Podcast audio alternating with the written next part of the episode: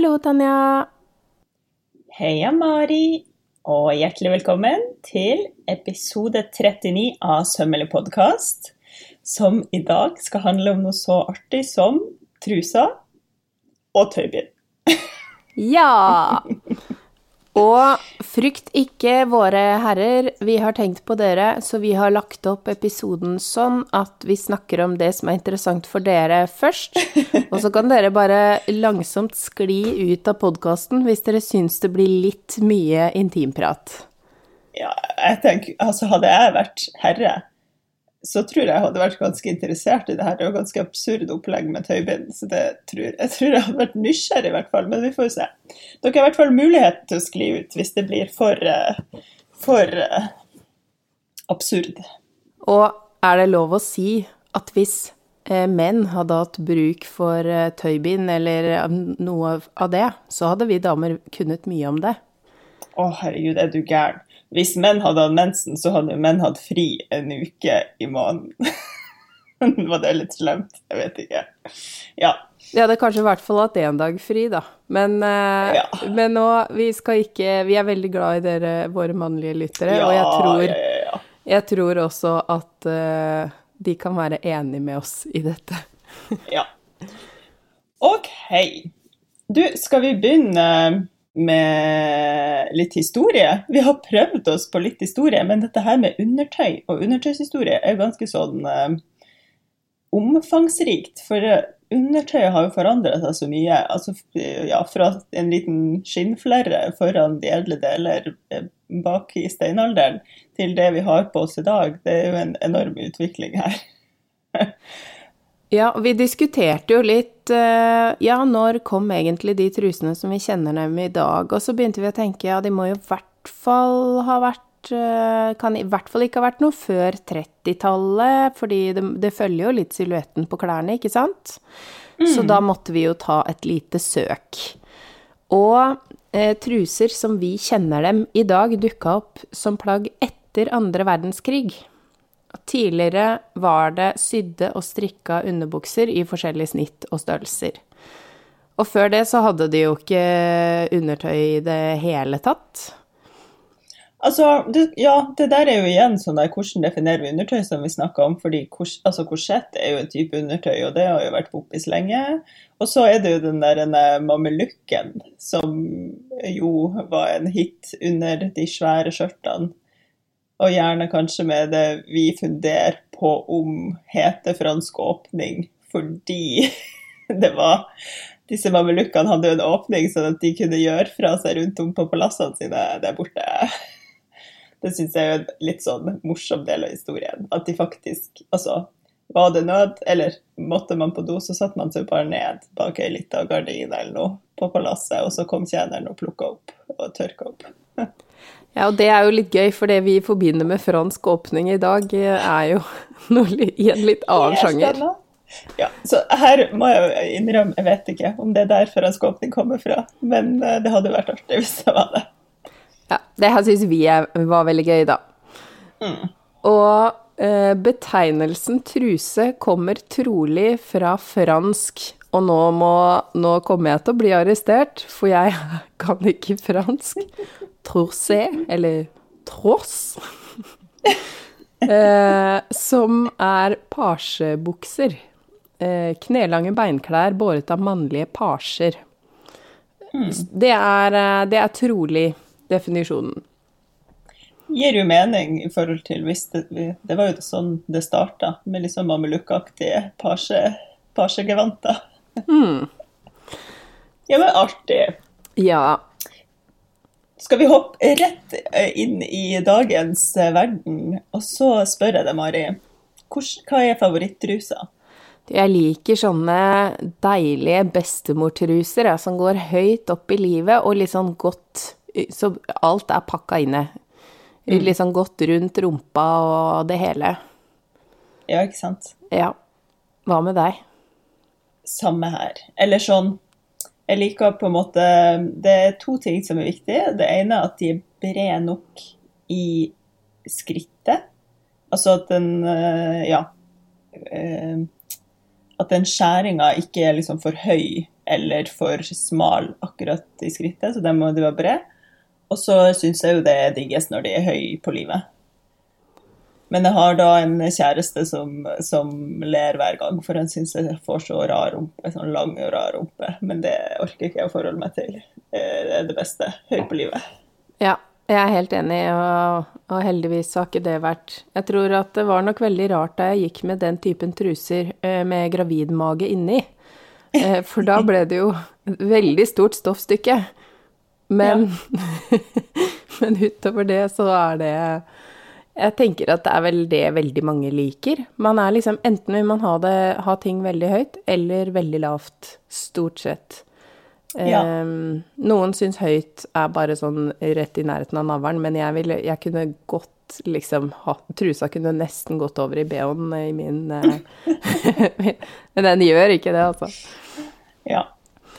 Og så minst, den minst interessante trusa i din verden. Jeg har liksom vokst fra sånn type stringtruser av forskjellig slag. Det er jeg helt fullstendig ferdig med. Mm. Eh, og så Jeg liker heller ikke sånne som går midt på rumpa.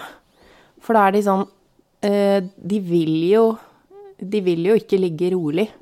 Sånn nysgjerrige Nei. truser, som jeg kaller det, det liker mm. jeg ikke.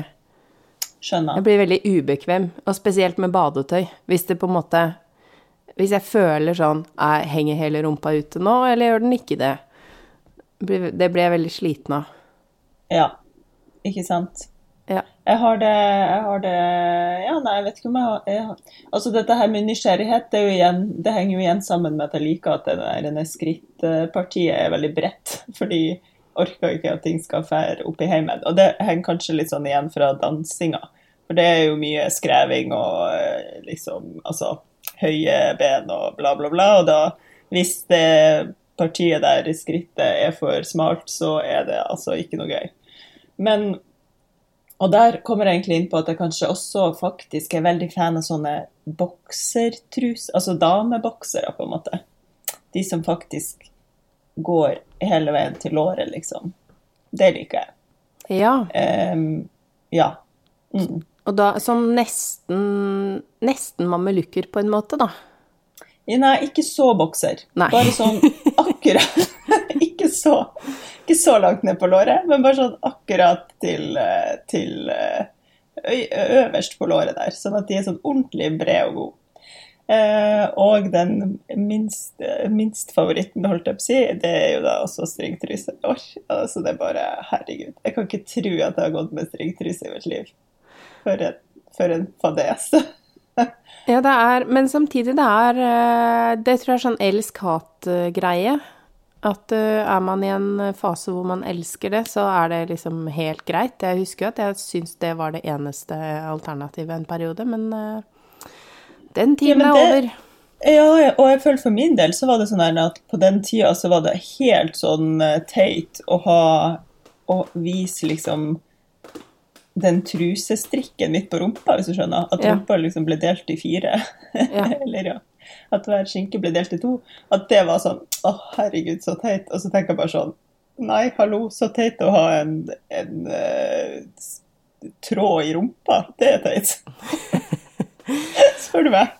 Men en annen ting som er teit, er jo å ha for små truser, sånn at man får fire rumper. For det Vi skal jo snakke litt om finisher eh, litt lenger ute i eh, sendinga hvis man kan kalle det sending. Det hørtes veldig profesjonelt ut.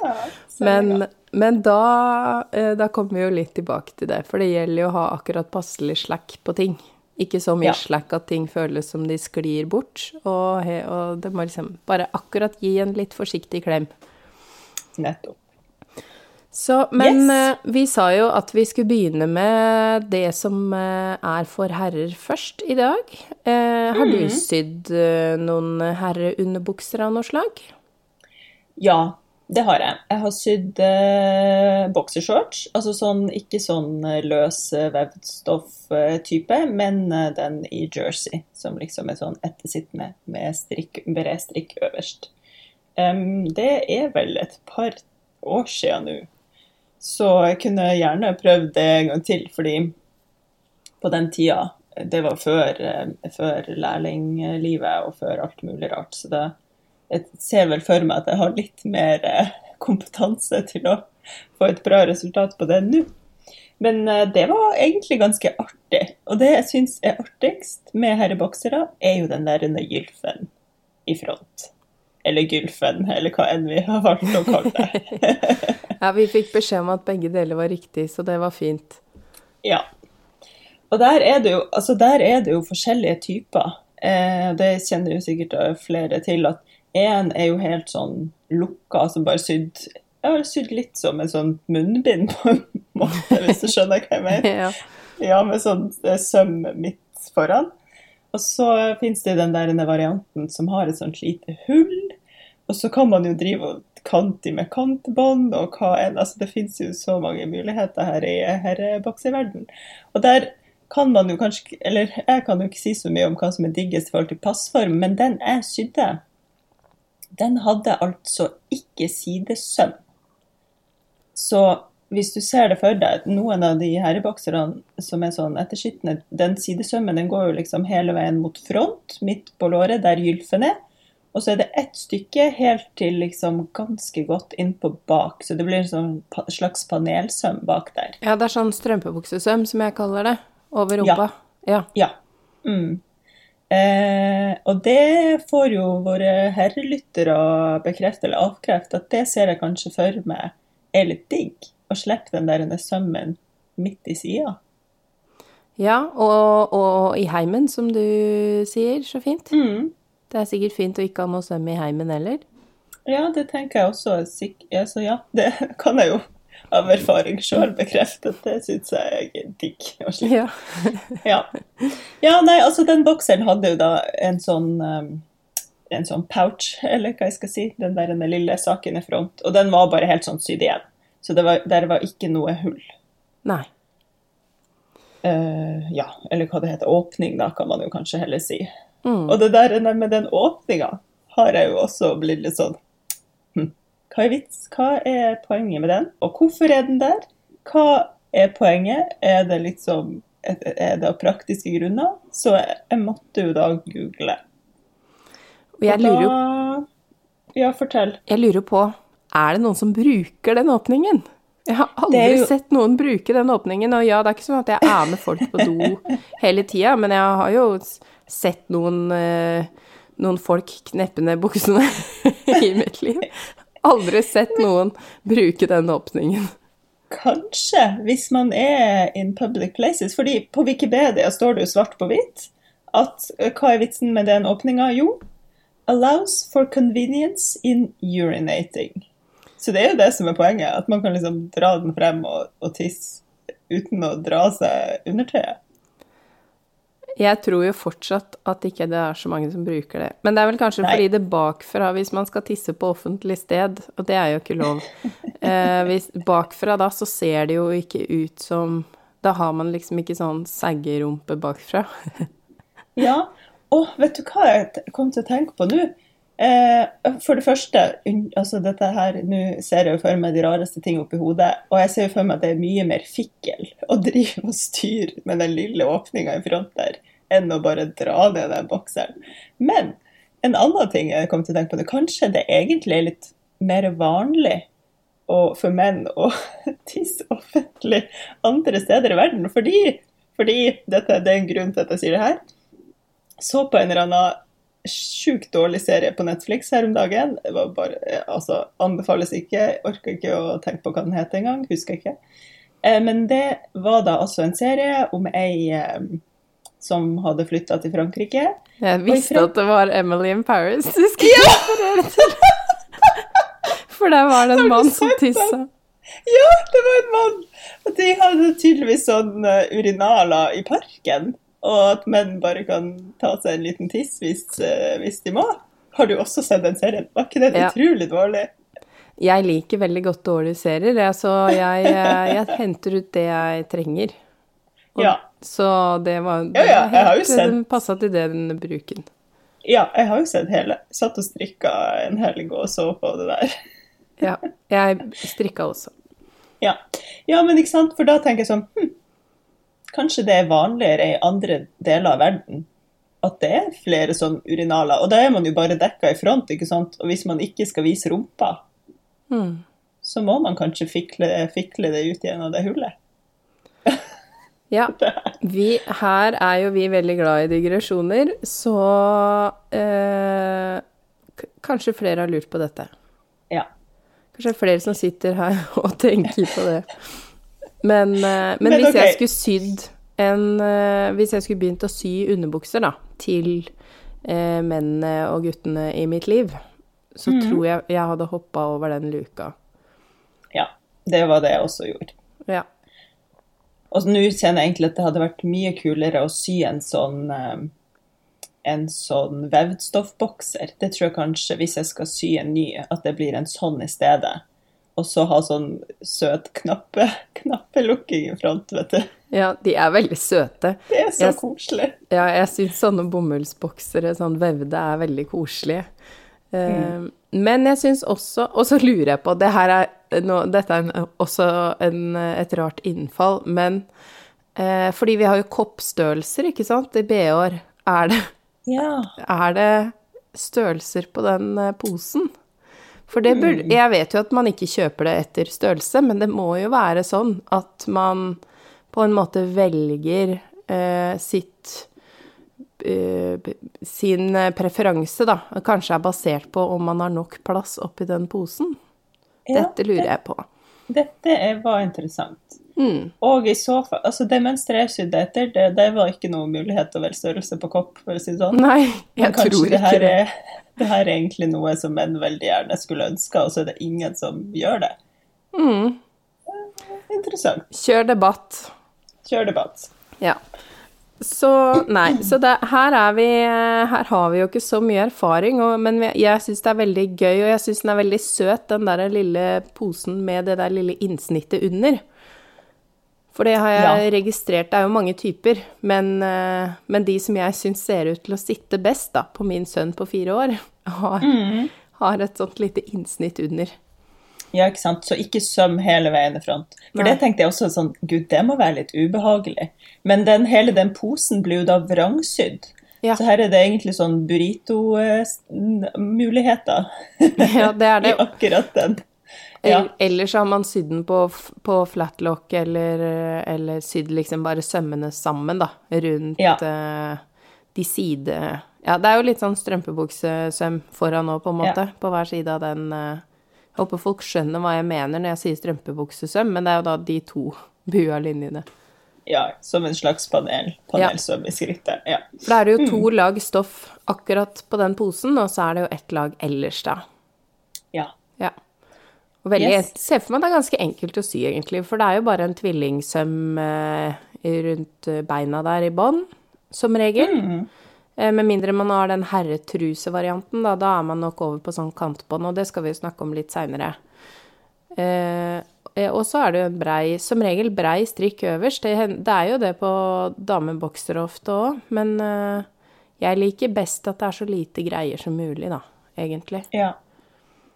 Jeg syns òg at en sånn vid strikk kan bli litt for voldsomt. Jeg er generelt ikke så veldig glad i å ha for mye eh, greier på magen som strammer. Mm. Så, eh, men ja, i den, den her bokseren jeg sydde, da sydde jeg på en måte bare til en sånn bred, vid strikk. Mm. Funka kruttet? For den legger man jo bare oppå stoffet, liksom, så må man passe på at man har god overlapp hele veien. Var det det du gjorde? Med sikksakk eller tvillingsøm eller cover eller Jeg gjorde det med sikksakk, mener jeg. Og der, nå, og ikke sant, det er jo der dette her kommer inn at i dag hadde jeg nok gjort det litt annerledes. Og det kan, kommer vi nok inn på litt senere. Ja. Fordi jeg får helt sånn Jeg bare klarer ikke det der med råkanten vises på innsida, selv om det er en sikksakk over. Det bare faller ikke, det faller ikke godt inn i sjela mi. Det er greit. Det er greit. Ja.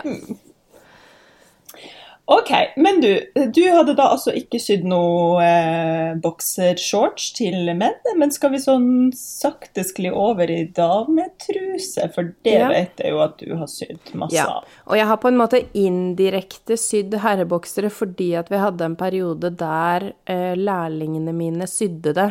Hvor jeg på en måte hjalp dem med det, men jeg, eh, jeg holdt egentlig på med noe annet. Så jeg var på en måte med på hele prosessen, men det var ikke fysisk jeg som sydde. Skjønner. Ja. Sånn er det jo noen ganger når man har uh, firma. Man kan ikke gjøre alt. Men ja, anatomien eh, av en dametruse er jo veldig mye enklere på en måte. Eller man kan jo si at den her eh, posen, da, som vi har kalt den på menn, den byttes jo Ja. ut med den eh, kila i skrittet, som jeg kaller den. Hva kaller du den i skrittet? Jeg kaller det også for en kile, ja. Ja. Mm. Og så har man jo et forstykke og et bakstykke. Og noen ganger er jo alt, den ene delen, alt sammen i én lang bit. Med en sånn ekstra liten kile som man eh, vrangsyr. Eller eh, så kan man jo dele opp i alle mulige biter. Hva foretrekker du her? Altså her eh, eh, foretrekker jeg å ha de for seg. For da kan jeg burritoe det hele hvis jeg vil. Men det vanligste, altså for den der kilen, den blir jo òg på en måte to stofflag. Og der er det jo vanlig at den i front på en måte bare ligger løst. Hvis, mm. Skjønte du det? At man bare overlokker den råkanten og så bare lar den ligge løst hvis man ikke vil ha noe søm i front der. Em, men nå kan jeg jo avsløre at jeg også har, eh, til ære for denne episoden, testa å sy noen sånne menstruser, og da vrangsydd hele den kilen i skrittet, både foran og bak. Og det syns jeg Det eh, var egentlig eh, litt suksess, syns jeg. Å på en måte få Jeg ser liksom for meg at jeg har lyst til å fortsette med det, og bare få den kilen sydd fast. For den blir ikke så veldig plagsom, den sømmen i front. Altså, den ligger jo der man vil legge den, så man kan legge den et sted man ikke syns det er noe irriterende. Og så slipper man det der flapset. Ja, og nå skal jeg si noe litt personlig og rart. Men eh, fordi at eh, det kan jo ofte bli litt sånn slitasje forskjellige steder på en truse, og eh, der er det jo nettopp det at eh, man kan faktisk velge å legge den litt høyere opp enn det som er vanlig. Eh, for jeg har alltid trodd at det var en sånn rar greie som jeg bare hadde. Liksom, åh, hvorfor får jeg alltid hull foran på trusen? Jeg syns det var så flaut. Ja. Eh, men så viser det seg at det er ganske vanlig, og det er Kjøpetrusene er ofte litt for lave foran, sånn at det området som sliter mest, ikke er dekt. Og da må man jo bytte dem ut, ikke sant? Kjøpe nye. Veldig lurt fra butikkens side. ja. Ehm, sånn at eh, Det har jo ikke skjedd på mine hjemmesydde truser, så det stemmer Nei, nok, da. Men, eh, men det har vært sånne ting jeg har skamma meg litt over, at det er sånn, for det ser så veldig trist ut. Akkurat den der har jeg faktisk ikke opplevd. Men det, da gjør du rett og slett, når du syr det sjøl, at du lager den kilen høyere i front, sånn Ja. at det blir dobbelt lag høyere opp. Det er jo supersmart. Ja, for det er jo bare akkurat i den overgangen, så det har liksom bare vært Ja. snakk om å heise den en centimeter eller halvannen. Så, Mm. så dekker den det området som det er litt slitasje, og det kanskje handler om selvfølgelig tykkelsen på stoffet, men også når man drar den av og på, hvor er det man eh, Altså hvor blir stoffet dratt i, for eksempel, da. Eh, ja, det er jo liksom forskjellige ting å tenke på, men, eh, men her også kan man jo velge å, å ikke ha sidesøm, eksempel. Ja. Det tror jeg skal nå, Jeg har jo ikke sydd så mye truser, men nå til denne episoden her har jeg sydd tre. Og alle de hadde sidesøm, og jeg lurer på om jeg skal flytte den over til å bli en sånn panelsøm foran og bak i stedet. Det er, jeg har sydd ganske mange truser opp igjennom, og det er en fantastisk måte å bruke opp eh, stoffer på. Som Ja. eh, ja, jersey, eller faktisk T-skjorter som har uh, fått en flekk eller et eller annet som ikke kan brukes mer, men som, hvor stoffet fortsatt er helt. Hvis det er et stoff jeg har likt og sånn, så har jeg klippet ut en truse før jeg har kvitta meg med de T-skjortene. Ja. Uh, selv om det høres veldig rart ut, da må det jo være sånne veldig stretchy, da. Da er det ikke sånne mer sånn faste T-skjorter som er sånn de typiske Men fortell meg, da. Har du et Nei, jeg vet jo at du ikke har det. Hvorfor har du ikke et trusemønster, Mari? Det er jo fordi jeg har en video på hvordan man kan tegne sine egne truser Ja, men på tenk på Instagram. de, ja, tenk på alle de som ikke tør å tegne egen truse. Nei da. Ja, Den nei. er jo veldig fin, den videoen. Kanskje jeg skal ha, lage et mønster som er eh, Tanja-truser? Tanja Trusa! I stedet for tanga. Det syns jeg var veldig morsomt. Ja! Tanja-trusa. Den skal ha panel sammen, bare sånn du vet det. Hvis du Ja. går i gang med dette. Ja, nå, nå skjer det, vet du. Det er det som er. Ja. Jeg har jo egentlig en bok å skrive, men eh, nå vet jeg at det kommer til å bli gruppepress. Mm. Tanja-trusa må skje. Ja, ja ok. Da er det vedtatt. Vedtatt. Ja, fordi du har laga Tilbake til uh, før Tanja-trusa kommer, så kan man jo da altså gå inn på Mari sin Instagram, for der har du laga en video om hvordan man kan tegne et eget trusemønster. Ja, eller det er egentlig en sånn highlight i story, men jeg lurer på nå som uh, For Instagram har blitt så annerledes de siste, det siste året. Så jeg lurer på om jeg må lage en video i tillegg, kanskje. Det får vi se på om det blir gjort før denne episoden, eller om det blir gjort etter denne episoden. Men, Ja. men det, det kan hende at skjer. Men hvis ikke, så finner man den da under highlights på Instagram. Jeg skal prøve å få flytta den litt langt fram i, i rekka der, sånn at den syns. Vi kan jo øh, vise til den i Story, for eksempel. ja. Mm. Ja. Og, men da, og da tegner du på mål? Altså du på en måte tegner Eller tar du utgangspunktet nå? For jeg har jo tidligere tatt en favorittruse og klippet den opp når den ble for sliten, og laga et mønster ut av det. Men det er ikke det du viser i den eh, videoen din. Det er det jeg viser, men jeg klipper den ikke opp. Eh, du tar bare ut mønsteret uten å klippe opp. Ja, for da kan man ta favorittrusa si. Men den har man jo ikke lyst til å klippe i stykker før den er helt ødelagt. Jo, jo. Ja, det var det min var. Den var såpass favoritt at den, eh, den ble veldig fort eh, brukt opp. Ja, og ulempen med det er jo da at hvis den er veldig, veldig sliten, så er den jo også kanskje litt, blitt litt slack. Og da er det jo litt dumt å tegne den av og bruke et uh, annet type stoff som ikke er slakt lenger. For da vil man ikke få den samme trusa. Så det er egentlig Nei. lurt å tegne en som fortsatt har litt å gi. Ja, eller der må man jo i så fall ta høyde for det, da. Det, det var det jeg gjorde. At jeg liksom skjønte at OK, her er det ikke en bul ut i rumpa. Her skal det bare være en rett strek. Ja. Og så videre. Ja, det er, så, eh, og det gjelder jo alt man skal tegne av, egentlig. At man legger det da Jeg beretter det på midten, og så legger jeg det så flatt jeg bare kan, og så fokuserer jeg på én av sidene om gangen. Så da på den ene så må man jo da, på rumpa eksempel, tegner man jo mer sånn omrisset. Og så eh, setter jeg på en måte Jeg tegner linjer der alle bretter er. Sånn at jeg vet Og så har jeg kanskje en nål på den bretten, sånn at når jeg vender den over, så ser jeg hvor den skal komme. Så når man tegner kila, for eksempel, da, da må man jo være litt sånn presis. Men alt det her er i den eh, videoen. Og så kan man jo huske på at eh, det er jo bare å sy en prøve først i et stoff det ikke er så farlig med. Dette er jo supert å bruke rester til. Eh, og så Ikke lerret, da, men, eh, men eh, ting man kan strekke i. og så kan man jo bare se hvis den blir for stor eller for liten, og justere. Legge inn eh, til eller fra i sidesømmene, f.eks. Eller høyere hvis man syns at alle trusene man har, er litt for lave. Jeg er tegna av en truse du liker på alle andre måter, og gjør den høyere. Det er ikke noe verre enn det. Veldig smart. Så har jeg også funnet en gratis trusekonstruksjon som jeg skal legge på Patrion. Ja. Den har jeg ikke laget, men eh, den er jeg blitt tipsa om. Så den kan vi linke til. Konstruksjon etter mål, da. Denne her gleder jeg meg til å se. Ja, artig. Ja. Ja, men gøy. Da har vi også dekka litt sånn hvordan man kan gå frem hvis man vil eh, sy sine egne truser. Og det her gjelder vel sånn strengt tatt også for menn. Det er kanskje litt mer tricky å ta ut et mønster fra en bokser uten å klippe den opp, ser jeg for meg. Jeg er litt eh, avhengig av hvordan den er sydd.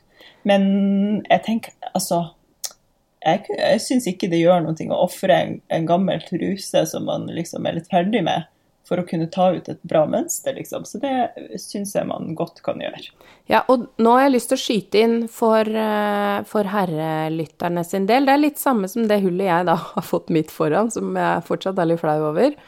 Ja. Eh, og det her tror jeg ikke at eh, mannen min setter pris på at jeg hører, men jeg vet, nei, at jeg sier, men jeg vet at dette er et problem for mange. Fordi dette har jeg snakka om med folk. med mange? ikke ja. mange. Fordi at trusene spesielt av det, eller bokserne hans, spesielt fra det ene merket, de revner alltid i sømmen bak i skrittet. Ja. Og det betyr jo bare at han har, han har ikke noe spesielt eh, stor rumpe, han. Eh, det betyr jo rett og slett at det er for liten plass i rumpa på de bokserne, da. Men det er ja. de han liker best, så jeg syr da inn en liten sånn stoffbit inni de. Mm Sånn at eh, jeg kan faktisk tegne av en av de han har gjort. Det kan jeg lage en video til Sømmelig-instagrammen, kanskje. Ja, kult. Hvis du får tid, så er det jo det litt kult ja, for det... de svært få mannlige lyttere vi har. Da. Jeg har jo kikka litt på de der tallene våre, og det er vel 99% damer og 1% menn. Ja, men vi vet, vi vet, vi vet om dere. Ja, ja, og det, det, er veldig hyggelig, fordi vi får jo meldinger fra dere, så vi, vi er glad dere er der. Og Eh, så da, og så er det jo fint julegaveting. Så hvis jeg får det til før jul, så er jo det en morsom uh, liten gave, da. Ja, det er stas. Mm, så, staselig, staselig. Så da skal jeg Jeg får nok ikke lov å legge ut bilde av de, uh, de som jeg har putta inn en sånn lapp. Og da har jeg hatt det litt gøy, da. Jeg tatt var et stoff med krabber på, f.eks. Så tok jeg en liten krabbe inn i det hullet. Det syns jeg var gøy. Veldig fint. Ja, så ja. Ok, videre. Eh, det skal vi snakke om. Eh, men da når man har tegna mønster, eh, så syns jo det jeg har lært mest av, det er å se på hvordan de trusene jeg liker, er sydd. Fordi det er jo mm. så mange måter å lage finish og, og gjøre trusene på en måte Det som gjør at de ikke ser så hjemmelagde ut, er jo nettopp de, den kantinga man velger. Ja, Yes. Har du en favoritt der på avslutning eh, rundt lår f.eks.? Eller eh, for det første, differensierer du?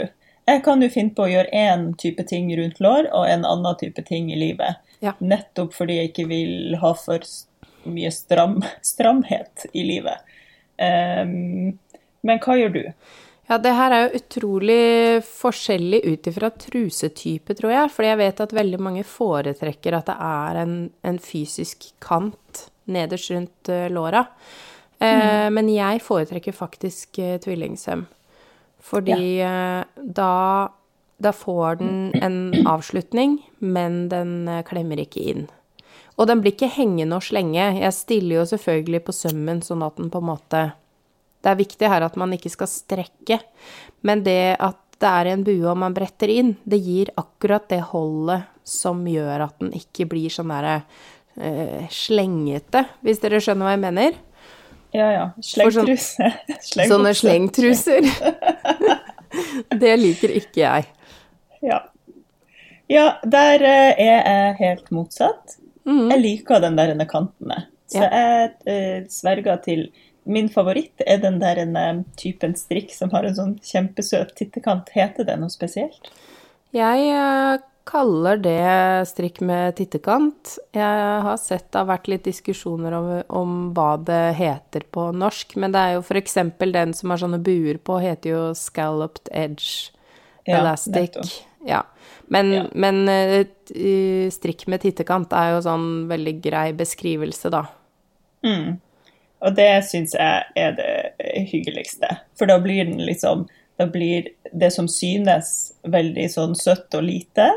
Eh, samtidig som at det har en god strikk rundt på innsida hele veien. Mm. Det, det, kan jeg like. Og her må jeg også spørre deg om en ting. Mm. Fordi det skjedde disse trusene mine, så tester jeg litt forskjellig. Og jeg klarer ikke helt å, egentlig å bli enig om hva jeg liker best.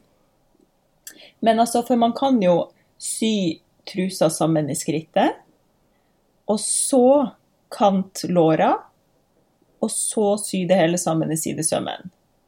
Ja. Eller så kan man jo sy sidesøm, og så sy liksom rundt og rundt inn i låret der. Har du, eh, Hva foretrekker du? Nå skal jeg si min rekkefølge.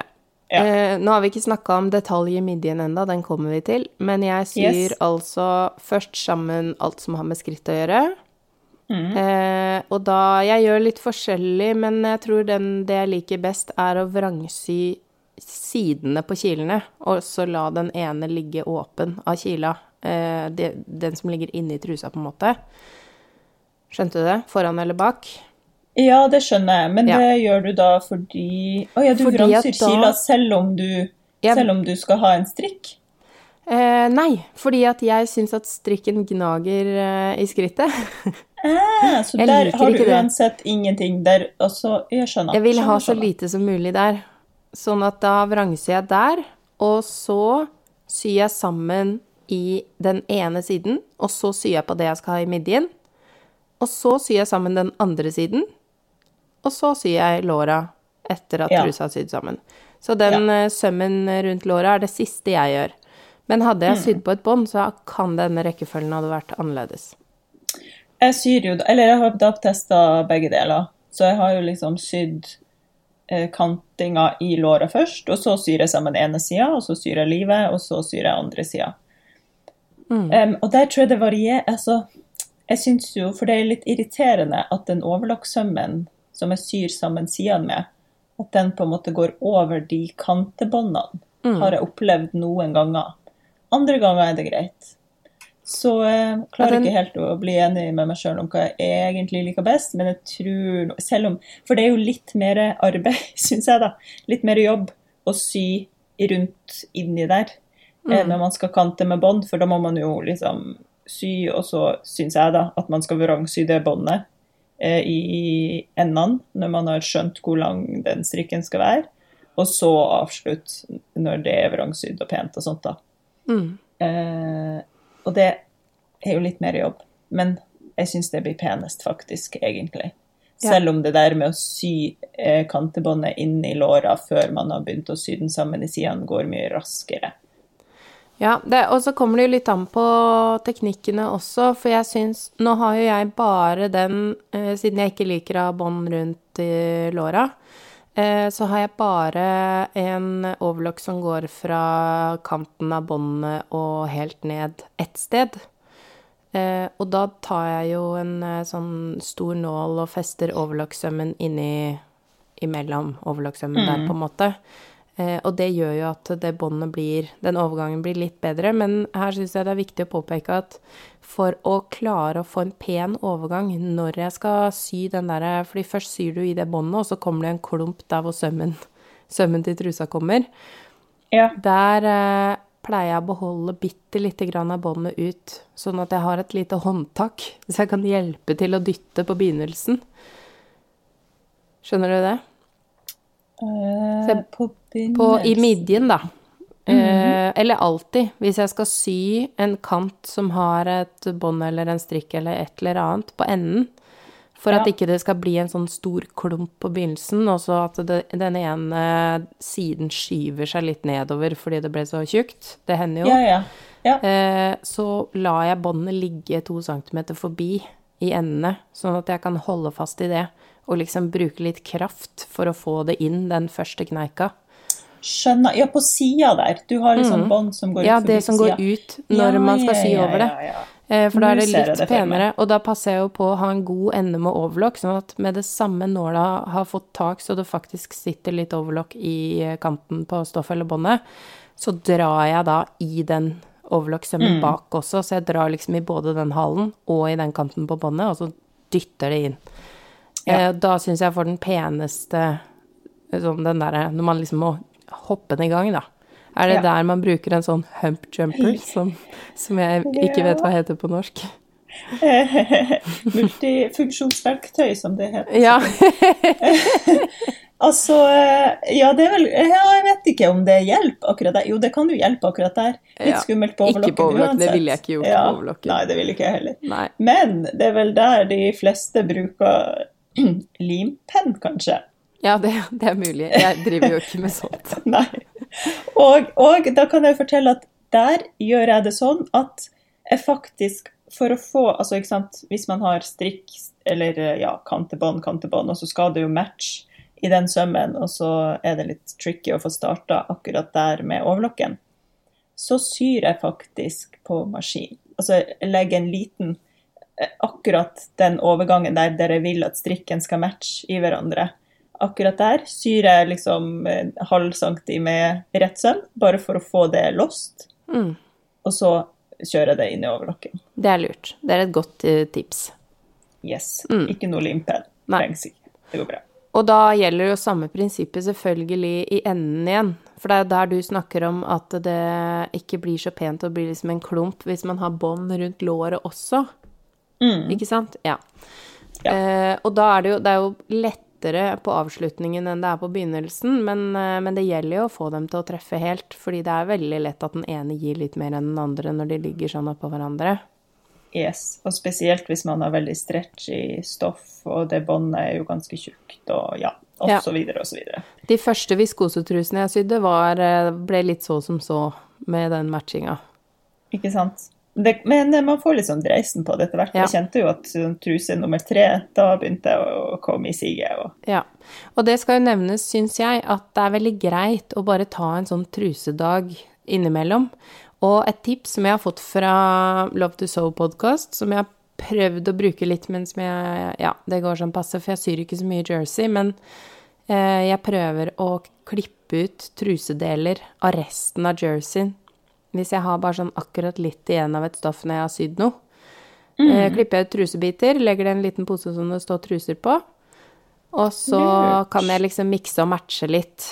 Hvis jeg da har, bare hadde nok til masse sånne små kiler i det ene stoffet, så har jeg masse kiler. Eh, og da Jeg syns jo det er litt eh, kjekt når den kilen er i en litt mørk farge. Ja. Så er den jo veldig tilgivende i forhold til eh, flekker og sånn, da. Mm. Ja. Det var lurt. Og Det er kommer vi litt tilbake til, akkurat det der. Akkurat det der med flekker i kilen. det kommer vi tilbake til. Men uh, det her er jo helt konge, fordi nå når jeg har liksom endelig funnet, eller endelig funnet, jeg har funnet et mønster som jeg faktisk liker veldig godt, så, så tror jeg at jeg skal begynne med det der òg. At jeg har liksom det, de små trusedelmønstrene veldig tilgjengelig hele tida. Så hvis det er sånn Å, her ble det litt igjen. Hvor er kilen? Eller hvor er side, sidestykket? Eller hva er Så kjører jeg bare på. Og det som er gøy da, er at da kan man jo ta det grunnformmønsteret på en måte, da, som man har laget av sin egen truse. Og så kan man lage forskjellige utgaver. Det er min neste plan når jeg får litt tid igjen. At jeg skal lage sånne små pappmaler i forskjellige farger, sånn at jeg vet at og alle de blå bitene, det er til den som har panelsøm på den måten, fordi da får jeg Ja. biter i denne størrelsen. Og, og noen ganger Jeg har en veldig fin en som jeg har laget av masse bitte små rester. Som, den kan kanskje være bildet til denne episoden, fordi den Ja. er såpass fin. Det er min favorittruse. Og der har jeg brukt liksom en liten rest av eh, et stoff som jeg elska, som jeg sydde en kjole i, og et, eh, en liten rest fra en T-skjorte, en liten rest fra en annen kjole. Alle de bitte små bitene. I sånne panelsømmer nedover, da. Ja, fint. Og, det, og da er det jo rett og slett bare å legge inn en delelinje og teipe sammen et annet sted. Flytte litt rundt på de linjene. Det høres eh, kanskje ikke så Det høres kanskje litt sånn kryptisk ut, men man kan egentlig se på det som et puslespill. Der hvor man klipper, så lenge man legger sømrom rundt den biten, så, blir det, så er det bare å sy det sammen igjen der.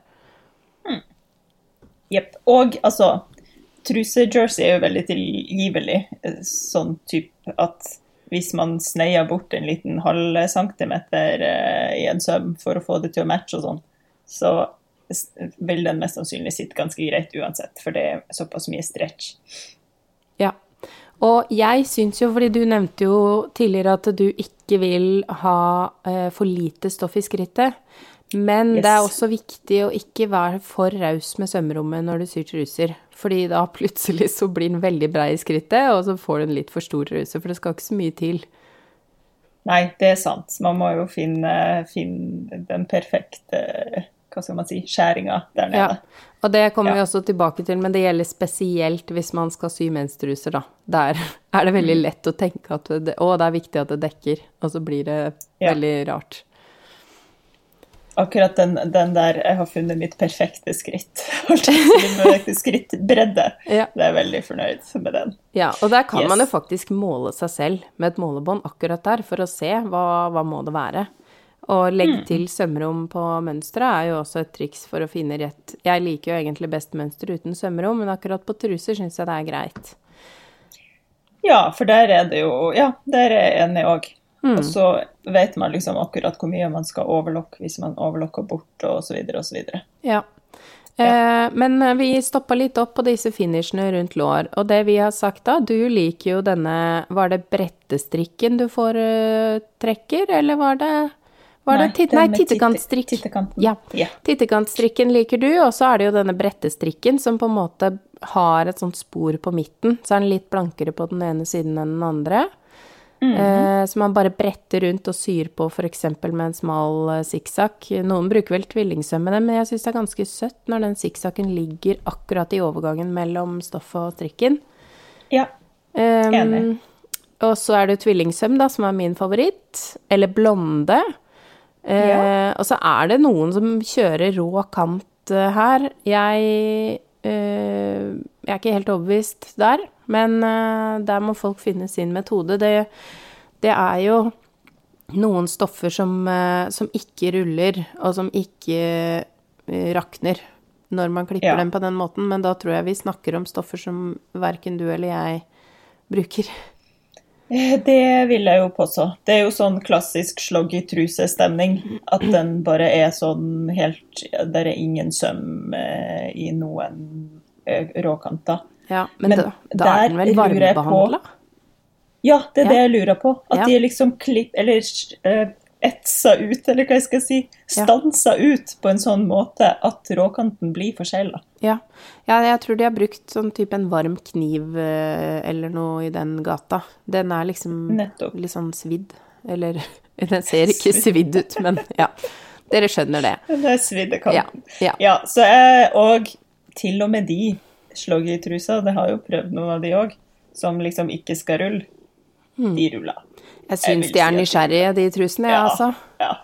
Det blir for, det blir for uh, nysgjerrig for min Ja. del, altså. ja, de vil heim. De vil inn i heimen. Det vil ikke jeg. Yes.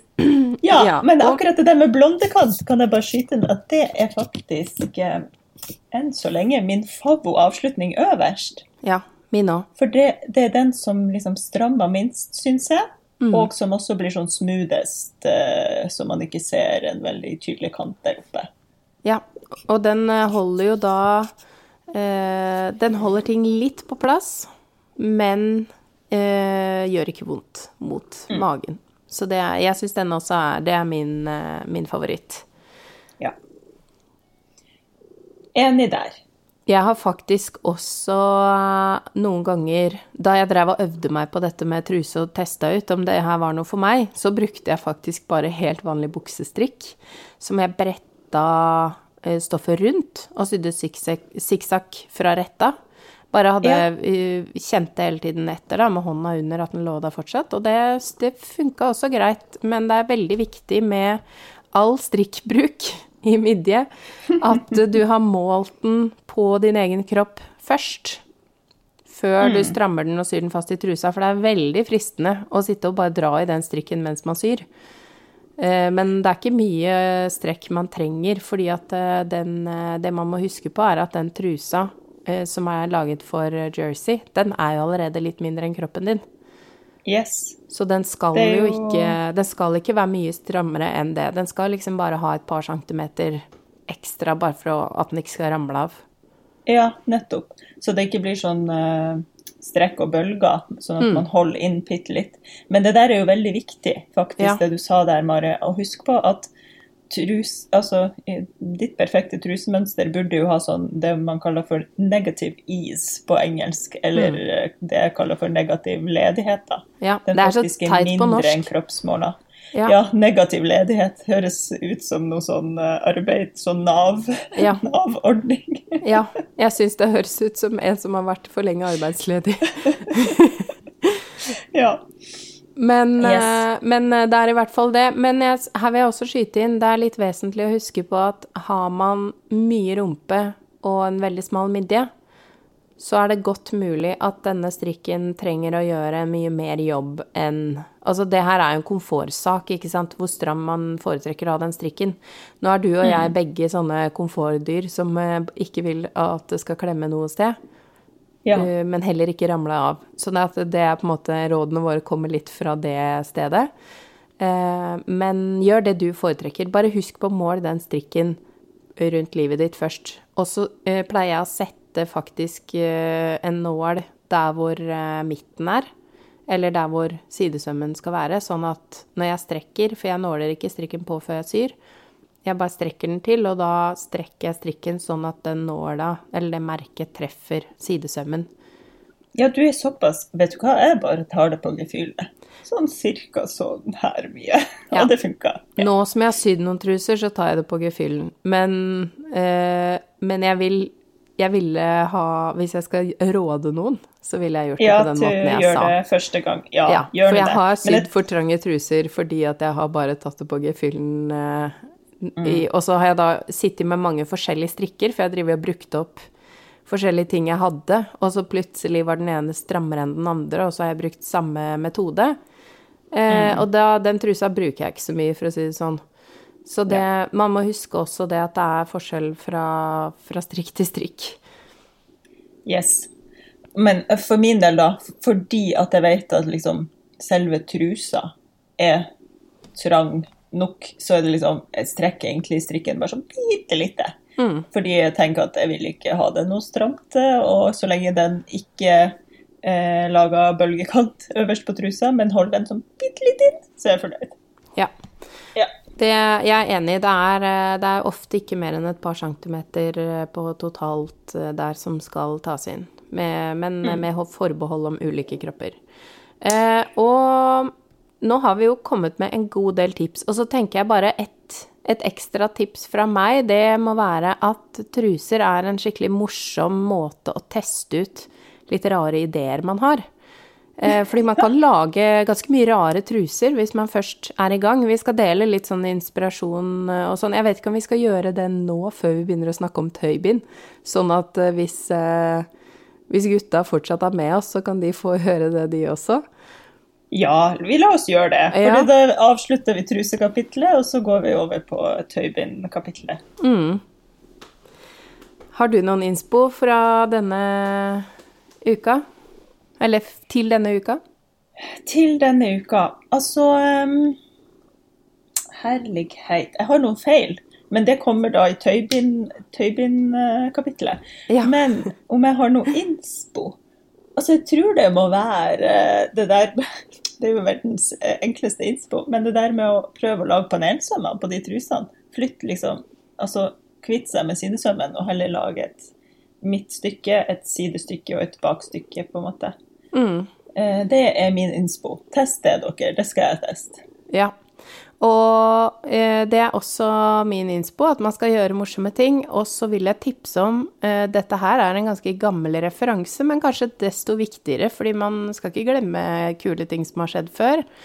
Eh, for da jeg gikk på skolen, så var eh, en veldig up and coming undertøysdesigner som jeg tror ikke hun jobber med undertøy lenger. Eh, Ida Gullhav heter hun. Hun er for øvrig også veldig koselig person.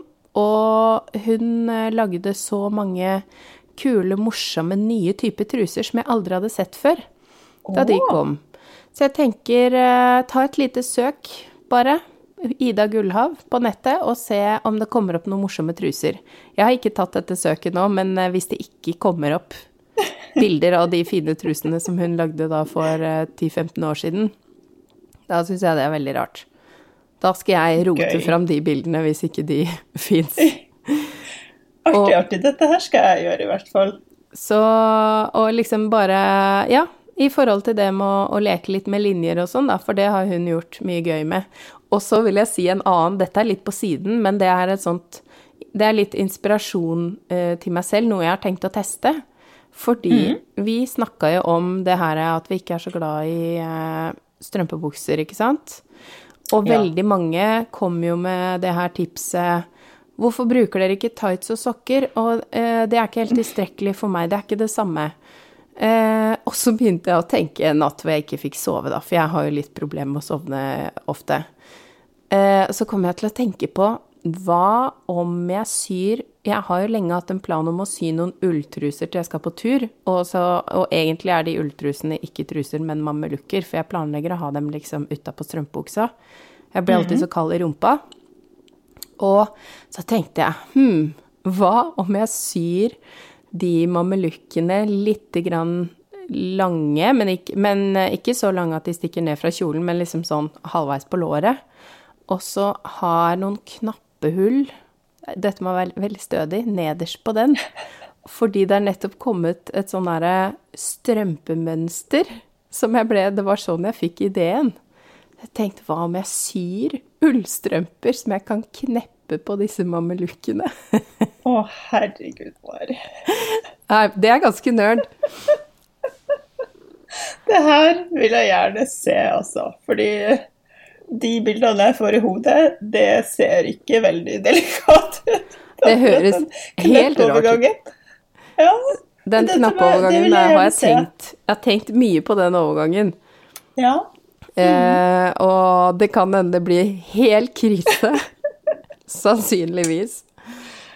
Men du Ja. vet at når jeg får en idé, så, så er det så Det er så slitsomt, fordi jeg, jeg må prøve. Ja, du må bare prøve. Og de trusene skulle jeg jo sy uansett. Så da kan Ja, jeg jo bare prøve å kneppe på noe- noen strømper, fordi det, det mønsteret var veldig fint. Eh, Ja, jeg kjenner ikke sånn umiddelbart sånn Ja, dette blir min nye erstatning for strømpebukse. Men eh, jeg, altså Jeg er åpen til det motsatte er bevisst. Ja, altså jeg er veldig skeptisk sjøl, men det er derfor det er så gøy. Det er derfor jeg har lyst til å prøve. Yes. Ja. All, all of uh, the luck to you, sier jeg bare. Vet ikke når dette skjer, da, men de ulltrusene, de skal jeg få sydd i hvert fall. Og så er det jo mulig at det aldri blir sydd på noen strømper, men eh, det vet jeg ikke. Dere, nå må jeg bare si at eh, nå kom det en eh, veldig malende katt her. Så hvis dere har hørt noen rare lyder fra denne kanten nå nylig, så må jeg bare si at det er derfor. Jeg skal koselig. jeg skal gi henne dosen sin, og så skal hun få gå igjen. Hun har jo vært i, på Instagram-storyen vår noen ganger. Jeg syns hun alltid kommer når jeg, når jeg gjør ting. Poddekatten. Nei, poddekatten vår. Ja. Ja. OK. Du, poddekatt eh, er jo et godt Q-word for å fortsette Ja. over til neste tema. Ja. Tror du ikke det? Jo, og jeg er så spent på å høre hvordan det har gått eh, med deg denne uka. Altså, nå eh, til alle som kanskje ikke vil høre om tøybind, nå sklir vi over. Nå sklir det inn i tøybind. Og da, den uka her, så har vi jo også vært så heldige at vi har fått sponsa materialer til å teste tøybind på hver vår kant. Eh, dette her syns jeg var sjukt artig, sjukt nært. Eh, har kosa meg i hjel. Og det er da rogbeef. Eh, sier jeg det rart? Forresten, hvordan sier, uttaler du det navnet, Mari? Jeg sier rogbiff, men det gjør også at jeg alltid skriver det feil, fordi jeg uttaler med to f-er. Men det er jo ikke to f-er. Så jeg tror sånn sett at du sier det riktig. Kanskje. Ja. I hvert fall, Trine har da i Rogbiff har sendt oss eh, noen fantastiske materialpakker til å sy våre egne tøybind.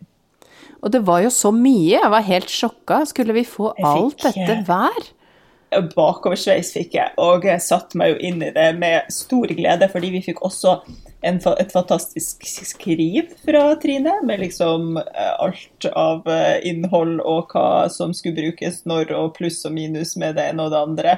Og et sånn skjema for eh, absorberingsevne, det koser jeg meg også veldig med når jeg skulle eh, forstå hvordan jeg skulle lage det her.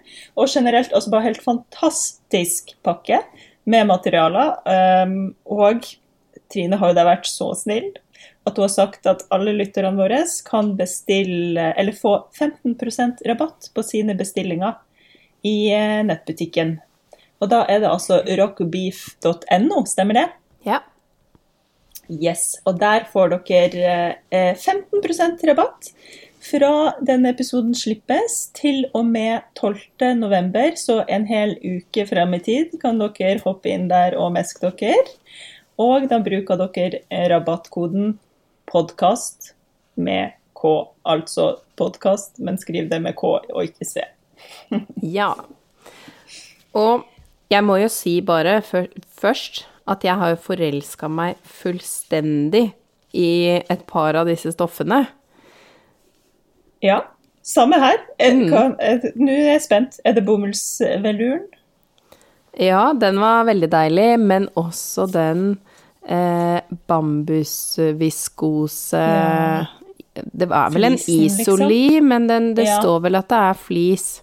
Eh, fordi altså, det er jo sånn Ser ut som et sånt helt vanlig eh, genserstoff fra mm. den ene siden, og så er det bare mykere enn alle sånne deilige genserstoffer du har kjent på den andre siden. Med yes. også det fine fallet, da, ettersom bambus er jo en type viskose. Masse deilig og masse artig. Ja, altså de stoffprøvene var jo bare helt uh, nydelig, nydelig. Og da kan jeg jo også bare si, hvis noen i Oslo har lyst til å ta litt på de stoffprøvene før de bestiller, så har jeg de på sømrom, så det er mulig å stikke innom og bare spørre etter det. Så kan dere få, få kjenne litt på de. Ja, det er kjempelurt, fordi her er det mye som kan brukes til andre ting enn tøybind. Det syns jeg er vesentlig å understreke. Og eh, altså, det var jo Den eh, bambusveluren er jo helt magisk. Mm. Eh, og den bomullsflisen, den kjennes jo ut som ordentlig flis. Ja. Bare at man ikke får frysninger av at det er plast. Ikke sant. Så den er hvor jeg er blitt svært intrigued. Svært intrigued. Um, er vi Men vi skal jo egentlig snakke om uh, tøybind her. Så ja. uh, Og først og fremst så vi kan jo ikke bare hoppe rett inn i tøybind uten å ha sagt hvor fantastiske disse prøvene var, så bare ha det i bakhodet at det er veldig digge ting til andre ting enn tøybind også der. Ja, nettopp. Ja. Godt poeng. Ja. Yes. Kan jeg da, altså fordi vi skal jo rett inn i tøyben her nå, men som en slags sånn uh, rolig glidende overgang, så kan jeg bare også nevne at jeg også har testa å sy For her har vi jo da fått eh, stoffer til å kunne sy sånn topplag, absorberende lag og sperrelag sammen til et tøyben. Men jeg har da også testa å sy det inn i skrittet på trusa. Så jeg har liksom testa å lage sånne menstruser som jeg tidligere har eh, Jeg har faktisk noen kjøpte menstruser. Så tenkte jeg sånn hm, det kan jeg vel bare lage. Så og den, akkurat den uh, prosessen har jeg filma, så jeg tenkte jeg kunne dele den på Patron med våre dedikerte lyttere. Så dere kan få se hvordan det menstrusebonanzaen min var. Og jeg har faktisk også laga film eh, når jeg lagde de her bindene, så, som jeg også kan dele for de spesielt interesserte. Fantastisk. Jeg har jo også laget eh, både menstruser og bind, men jeg har ikke filma det. Nei. Men Skjedde det noen feil for deg i denne prosessen, eller er det passende å, å starte med hva man ikke skal gjøre, kanskje? Ja, egentlig. Eh, det skjedde jo flere Det skjedde to feil. Um, som jeg bare kan si uh, først som sist, kanskje, og så får vi jo heller uh, snakke mer om hvordan man burde ha gjort det. For det første jeg gjorde, um, var jo at jeg liksom lagde med sånn syv uh, ulike sammensetninger av de ulike stoffene, som vi også kan snakke litt mer om, og som jeg også snakka veldig utdypende om i den videoen jeg laga. Men etter å ha liksom eh, satt sammen sånn Disse her ulike her skal jeg teste. Så var det en av de da hadde jeg lyst til å teste liksom nattbind, for vi har jo også fått mønster fra Trine. Eh, og så tenkte jeg sånn OK, nattbind bruker jeg typ aldri, for jeg bruker jo egentlig menskopp, men jeg måtte bare teste. Så det her nattbindet det var det første jeg sydde sammen. Og, da, og det ser jo ut som en bind, ikke sant. Med sånne vinger, selvfølgelig, for det er jo de man liksom fester tøybindet på trusa med. Eh, og så ble jo dette nettbindet ganske tjukt, for der kjørte jeg liksom på med absorberende lag eh, som var tjukt, og et sånn sperrelag som også er ganske tjukt, som vi eh, kanskje kommer til å nevne, som en sånn Polartec-flis. Så det her ble da tjukt som bare det. Og så tenkte ikke jeg noe lenger enn at jeg bare sydde de sammen. Og da ble jo de vingene like tjukk som, som hele resten av bildet. Jeg tenkte ikke over at her burde jeg kanskje klippa vekk det absorberende laget, for det trenger jeg strengt tatt ikke i vingen. Så jeg sitter og har det foran meg her nå, og det ser jo litt artig ut. Akkurat det. Det er altså bare ja, veldig, veldig tjukt hele veien. Som en slags bamse um, uten bein? Som en slags sånn spøkelsesbamse som har lyst til å gi meg en klem med de trykknappene. Veldig søt. Ikke gjør det.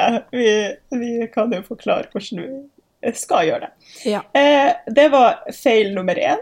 Og så litt lenger ut i prosessen, når eh, alle, alle bindene mine var sydd sammen, og jeg skulle sette på sånne plasttrykknapper. Det, for det første så måtte jeg gå til innkjøp av en sånn tang. For jeg har jo aldri satt noen trykknapper i plast på noe som helst i mitt liv. Så jeg hadde ikke den tanga og de, de uh, endene som man må bruke og sånn. Så da var det jo bare å ture bort på butikken og få kjøpt seg det. Og så eh, syns jeg det var veldig artig når jeg først eh, fikk gjort det, for den der, den der lille spikeren blir jo helt sånn flat og artig. Dette mhm. har jeg aldri opplevd før, så det var mye moro med det. Um, og det jeg da gjorde, selvfølgelig, var at på det ene bindet så klarte jeg å sette på samme vei. Ja. Så i stedet for at man fikk de vingene satt sammen flatt på undersida, så ble det jo en sånn, sånn liten sånn uh, bede... et bedebind. på et vis. Og da, det, men det var fint, for da fikk jeg testa å fjerne en sånn plasttrykknapp ja. Eh, med avbitertang. Og det funka krutt. Så jeg fikk fjerna den, var strålende fornøyd. Satt på den delen av trykknappen igjen. Feil vei igjen. Ja. Kødda ikke. To ganger på rad. Men da hadde jeg jo allerede erfaring med å ta den av med avbitertang, så da krøp jeg til korset, tok den av igjen og satte den på riktig vei. Så det er jo kan, Og, og det, her, det, her, var jo ikke sånn fordi jeg ikke skjønte at den skulle være riktig vei. Jeg hadde jo satt uh, trykknappene på alle bindene, og så det siste jeg klarte å bare drite meg ut på. Så jeg tror uh, lærdommen her er sjekk mange ganger, selv om dere kommer inn i en tralt. Det er så fort gjort å gjøre det. Jeg tror kanskje også du gjorde dette midt på natta. Stemmer det? Nei, bindene koser jeg meg med litt sånn på ettermiddag kveld. Ja, ja. Ja, mm. ja fordi da nei. kunne jeg på en måte ha sagt hvorfor det gikk gærent. nei, nei, nei. nei. Det, var, det, var, rett og slett bare en sånn brain fart uten ja. noe grunn. det var noe annet du drev og sydde her på natta, ja.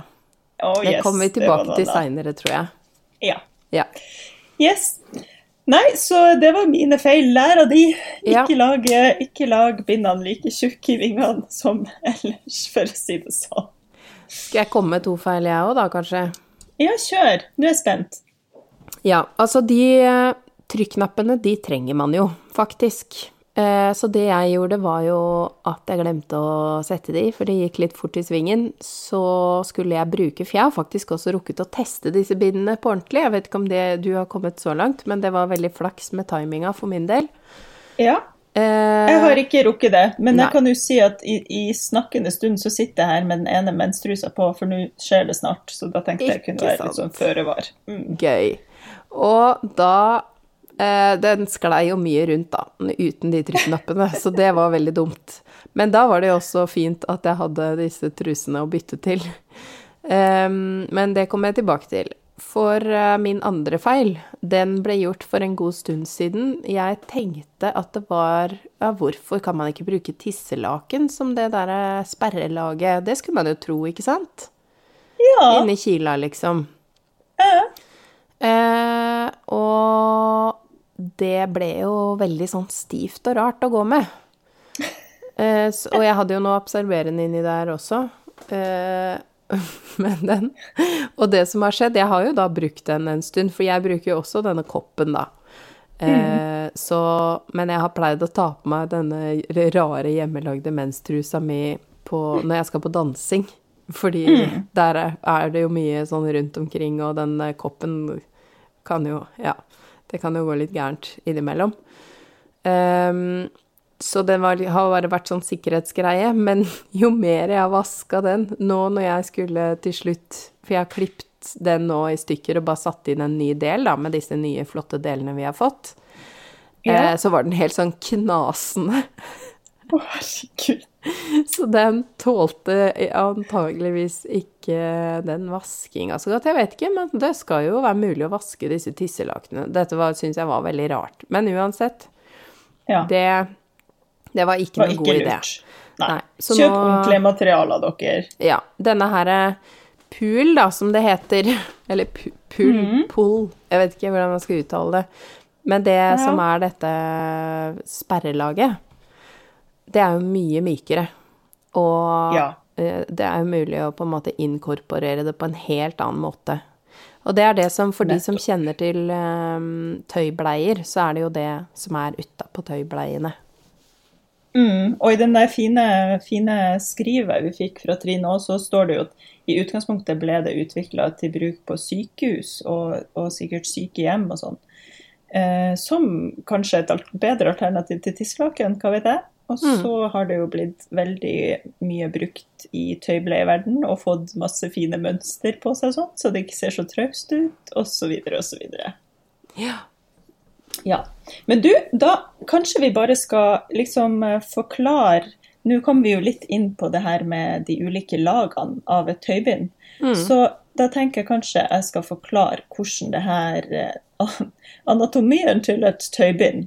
Ja. Som da jo er et topplag, og det er jo det som skal ligge mot huden. Og her eh, er det jo mange preferanser å ta hensyn til. Vil man at det skal være mønstret? Vil man det skal være hvitt, så man faktisk ser hvor mye man blør? Skal det være liksom mykt og digg mot huden? Skal det være et lag som trekker eh, fukten fort inn videre, så det blir, eh, så det blir liksom tørt på overflata fort? Og så videre, og så videre. Og det topplaget, det transporterer jo da blodet eller fukt videre ned i et absorberende lag. Og alt avhengig av hvor mye man blør og hvor god absorberingsevne man ønsker, så er det jo ulike varianter man kan ha inni der. Og flere lag og Å, gud, unnskyld. Og flere lag og whatnot. Og så nederst mot trusa må man jo ha et sperrelag for at det ikke skal leke. Mm. Og da fantes Vi fikk jo flere alternativer på det også. Så jeg har jo bare kosa meg og testa og sydd liksom et, et skikkelig bredt utvalg av ulike ting som jeg gleder meg til å teste, for å se hva er liksom favoritten her. Mm. Jeg Ja. kan jo si de erfaringene jeg har gjort meg når jeg har eh, hatt det på. Jeg lagde alle mine med to lag, fordi jeg ville heller bytte ofte. Og nå skal jeg jo nevne at jeg Jeg ble mye. Ja. Så trenger jeg ikke å si noe mer om det. Men, eh, men da syns jeg det har vært greit da å heller bytte litt ofte. Så har jeg eh, Jeg syns vel at min favoritt var en av de typene som vannet liksom forsvant raskt ned, da. For det som eh, vi gjorde da vi sydde det her, min assistent og jeg, da. Når vi sydde det, så eh, tok vi eh, litt vann og helte oppi de forskjellige bindene. Og så lot vi det ligge litt for å se hvor ble vannet raskest transportert ned. Mm. Eh, og så sammenligna jeg med hva jeg likte å ha på meg, og jeg syns absolutt at det de som, hvor vannet på en måte forsvant raskest ned, var de som var deilige å ha på seg også. Fordi de ikke ble sånn som å gå med en våt klut, liksom. Er det da, er det da den der Wicking Jersey-varianten? Ja, dette er jo, dette er jo den store, det store sjokket her, da, for oss som eh, ikke foretrekker å ta syntetiske valg. Ja. At det var jo det her eh, litt sånn sportslige eh, stoffet i polyester. Polyestermateriale. Det frakta det raskt ned. For det Eh, er det stoffet der jeg ble veldig intrigued av, så jeg har Mm. faktisk sydd det som topplag på de aller fleste her. For jeg tenkte sånn Hæ? Hvis det, bare, hvis det transporterer det fort, så vil jeg jo selvfølgelig ha det som topplag. Ja. Men jeg har også da, i de eh, menstrusene jeg har sydd, så har jeg også tatt Fordi eh, den er jo hvit, den eh, som vi fikk. Og jeg, mm. jeg syns det er greit at de er litt eh, mørk farge på, de kilene som kommer opp mot skrittet. Ja. Eh, Så jeg har også sydd bare mm, truser i mørkerød bomullsjersey, hvor jeg også har tatt det som det øverste laget inn mot huden, og det syns jeg gikk helt fint. Men det jeg tror er vesentlig her, er at det ikke er en for tett Altså at det er et eh, stoff hvor det faktisk går ned og ikke blir liggende på overflaten, og det kan man jo lett teste med å dryppe noen dråper vann på stoffet. Bare sånn for å se Blir det fort, liksom Går det rett ned i stoffet fort, eller ligger dråpen oppå der lite grann? Ja, og der skrev jo Trine også til oss. Altså For det første så er det veldig lurt at alle de naturmaterialene man bruker, eh, altså bomull og hamp og eh, bambus og alle de, at man vasker de på 60 grader først. Ja, det sånn at man får ut krympen. Eh, spesielt hvis man skal sy det sammen med et topplag i polyester, liksom. For det kommer Ja. jo ikke til å krympe, men det andre kan krympe. Ja. Og så syns jeg det var litt artig det der at hun skrev at sånn som sånn, eh, hampflis og bomulls- eh, eller bambusflis, at de når sin liksom ultimate absorberingsevne etter sånn syv-åtte vask. Ja. Det syns jeg det var gøy. veldig fascinerende. Ja, så Det kan jo være at i starten at det, at det oppleves som at de ikke absorberer så fort, men så etter hvert når man har fått brukt inn i bindene, at det blir mer absorberingsevne. Mm. Noe å notere seg, syns jeg, da. Ja, og her tenker jeg at eh, her kan vi jo sammenligne med sengetøy. Fordi sånn uh, sengetøy er jo gjerne litt sånn stivt og rart uh, i begynnelsen. Og så jo mer man uh, bruker det og sover i det, jo deiligere blir det jo. Og det er akkurat som at det um, får Ja, det får en helt annen overflate, da, ved bruk og vask. Og det gjelder jo alle, alt av klær og alt mulig, men ettersom sengetøy også vaskes på høye temperaturer, så var det min, min nærmeste sammenligning. For jeg syns at eh, det er akkurat som at det er en hinne på en måte som forsvinner fra stoffet etter hvert, da. Ja. Som er der i begynnelsen. Yes. Og det blir kanskje også litt mer sånn at fibrene blir litt mer sånn pusa opp og, og, og herja med, sånn Ja. at de ikke ligger så flatt og er så dandy, men at de heller begynner å stå litt mer opp etter hvert. Nettopp. Nettopp. Yes. Du, nå er jeg nysgjerrig på en ting her. Eh, hvordan har du sydd sammen dine? Du, eh, jeg har jo eh, så, Altså, på menstrusene så har jeg gjort sånn som deg og sydd ting mest mulig lukka inne. Jeg har ikke noen vinger på de trusene. De er sydd så vanlig som mulig, på en måte. Hva Eh, tenkte du på med vinger på trusene? De eh, trusene jeg har sydd, har jeg sydd som vanlige truser. Eh, men jeg har da lukka de inne, sånn som du sa tidligere i episoden. Jeg lukka inne på de sømmene som går inne på trusa. Og så har jeg valgt å bare brette inn den kanten som går rundt låret. Og eh, jeg har faktisk rundt låret på de her, så har jeg sydd med en veldig brei og stor sikksakksøm rundt hele låret, bare for å teste om det funka, i stedet for å sy med tvillingsøm.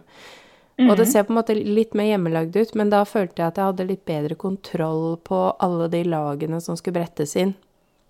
Akkurat i, inni skrittet der, da. For da kunne jeg Skjønner. klippe ned og gradere litt.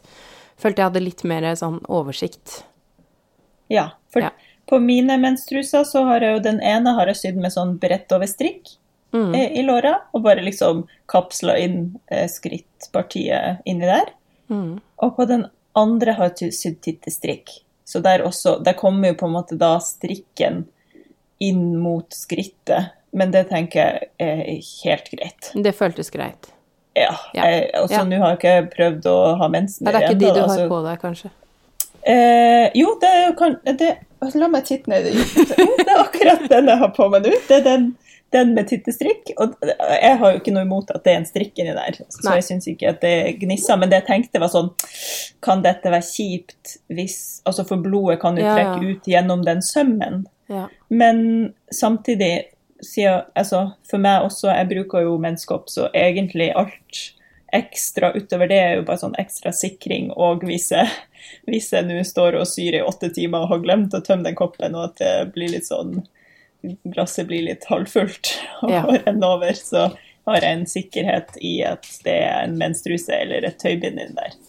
Ja, og det, det må jeg bare si, fordi jeg har jo også brukt eh, kopp i mange år og har alltid vært kjempefornøyd med det. Og nå kommer det noe litt privat her, men jeg tenker nå snakker vi om mensen, det er greit. Ja, ja, ja, ja. Eh, I det senere så har jeg aldri vært en som har drevet og blødd gjennom, men det har altså skjedd så mange ganger de siste, ja, de siste to åra, kanskje, at at uh, for min del så er liksom menstrusa blitt en sånn ting som jeg Hvis jeg skal ting, så må jeg nesten ha det hvis det er mer enn to timer.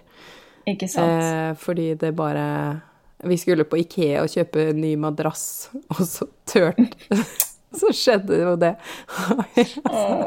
så var jeg sånn Ja, denne er, er kjempedeilig. Så lå jeg liksom i en sånn stilling Som en banan ikke var, ikke var ned mot madrassen, for jeg var livredd det skulle komme flekk. Og ikke med rumpa opp, fordi jeg ikke ville at alle skulle se at jeg hadde en kjempeflekk i rumpa. Så Sånn at det, eh, det syns jo jeg er eh, ganske vesentlig. Men, men, nå har jeg denne uka valgt å teste helt uten den koppen.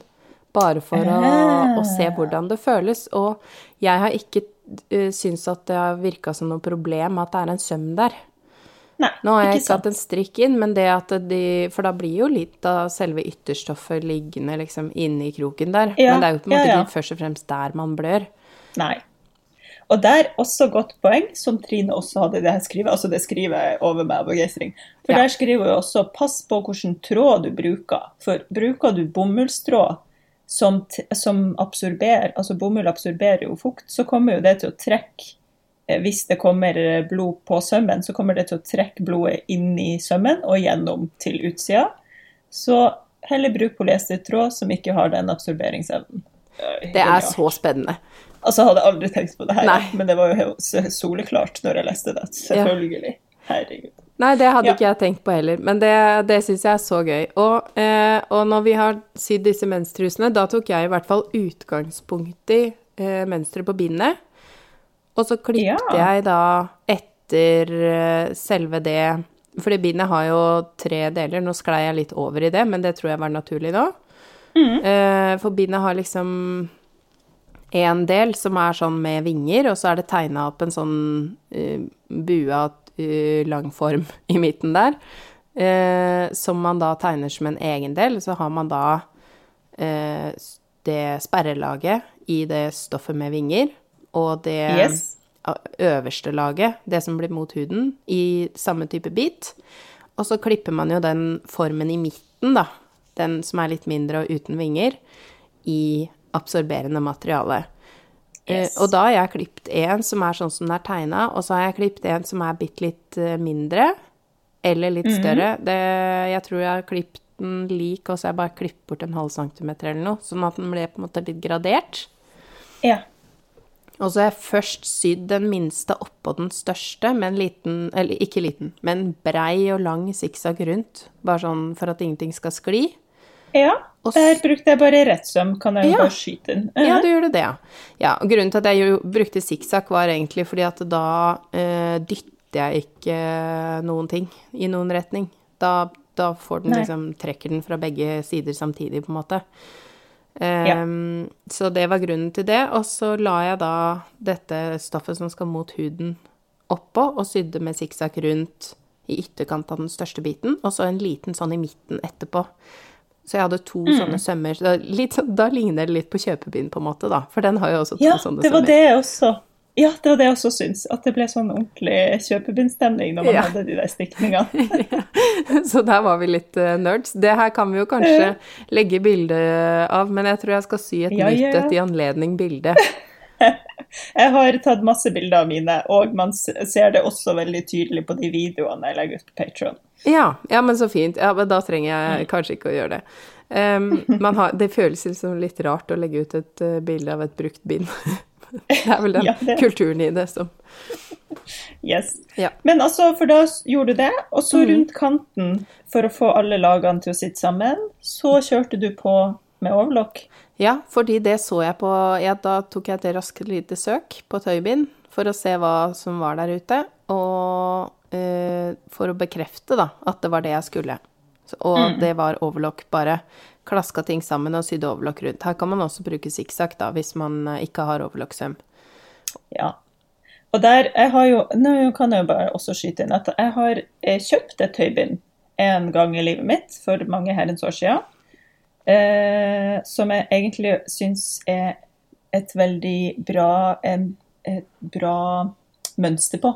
Så jeg lurer på om jeg skal ta ut det mønsteret. For der, det er sydd sånn at du har liksom topplaget opp mot eh, kroppen.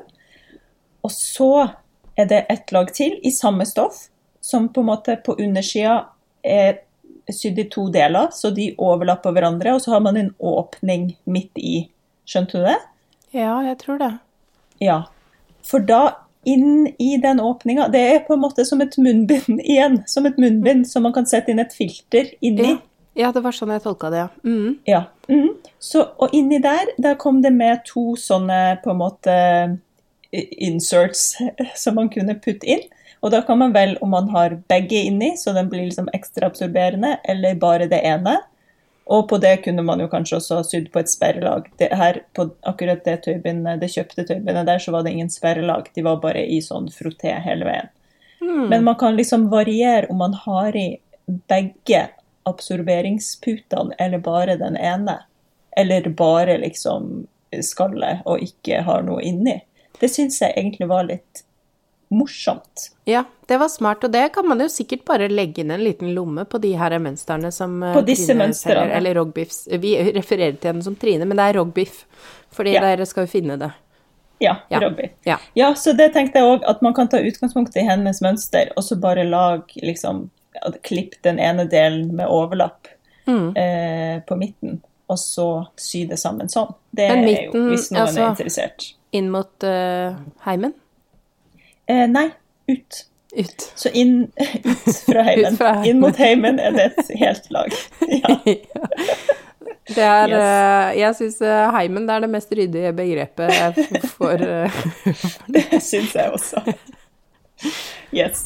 OK, det var, det var litt om mønstrene, da. Og da, ok, da må jeg bare eh, Nå har jeg en, eh, en innrømmelse å komme med her. At jeg har eh, Når jeg sydde mine sammen, så hold dere fast.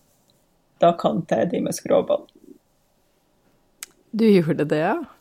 Ja. Jeg, klipp, jeg skjærte ut skråbånd i den tynneste jerseyen vi fikk hos uh, Rogbiff, Trine. Eh, skjærte ut mine egne skråbånd av det, og, for den var veldig tynn. Den der den tynneste 150 grams jerseyen. Og så eh, kante jeg de rett og slett, sånn at de fikk sånn rullåkant.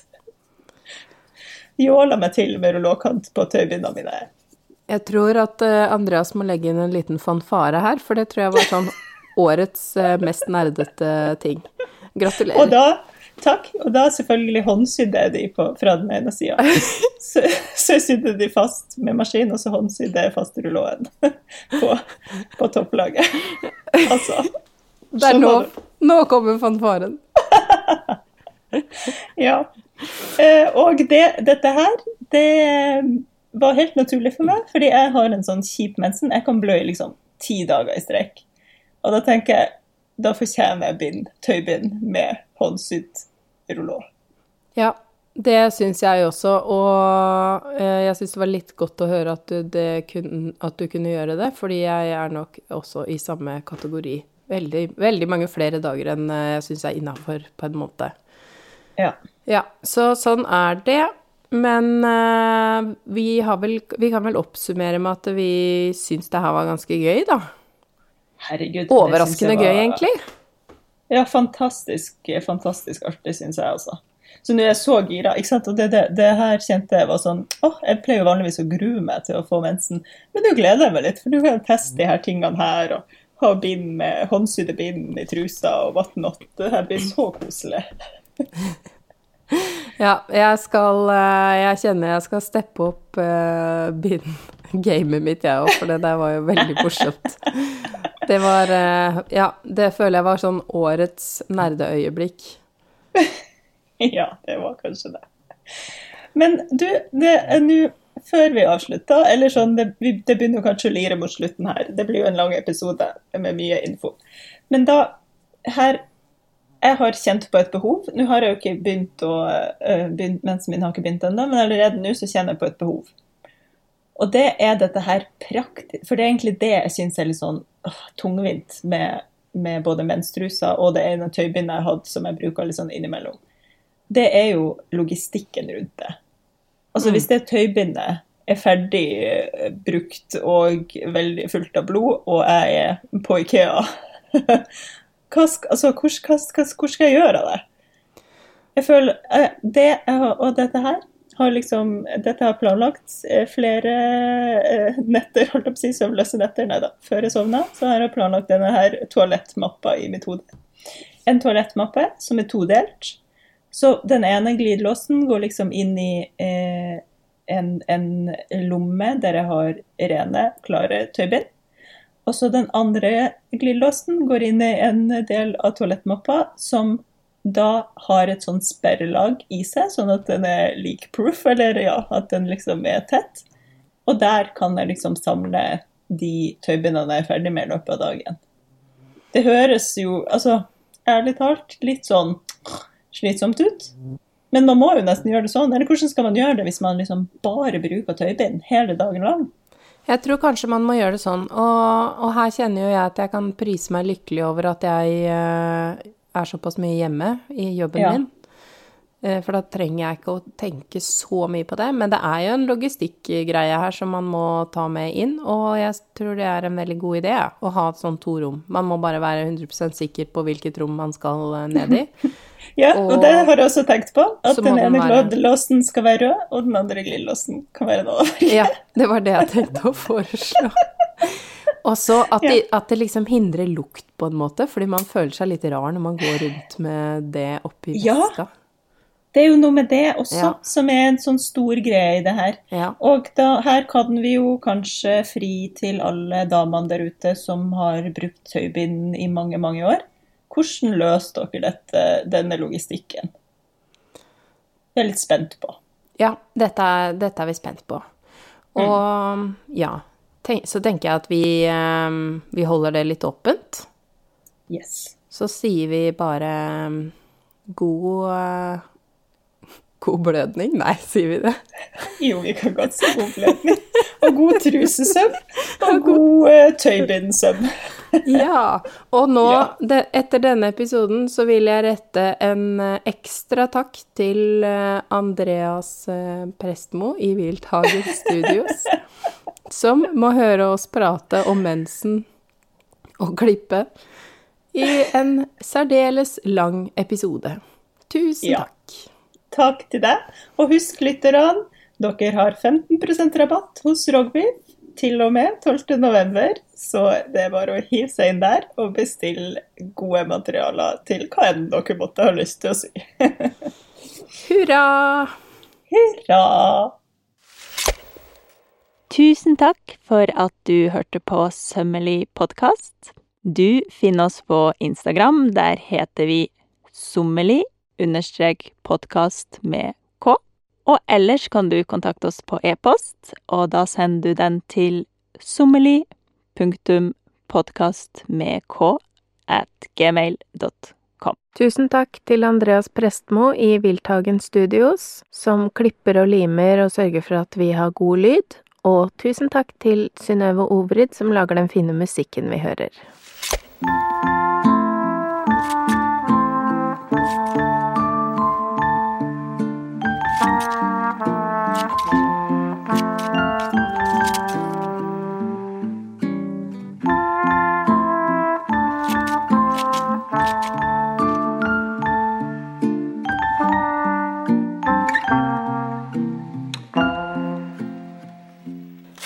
Hvis du har lyst på enda mer innhold fra oss, så kan du finne oss på Patrion. Da går du inn på www.patreon.com slash sommerli, og der kan du enten støtte oss som en skytsengel eller som en støttekontakt for å få ekstra snacks. www.patreon.com slash sommerli.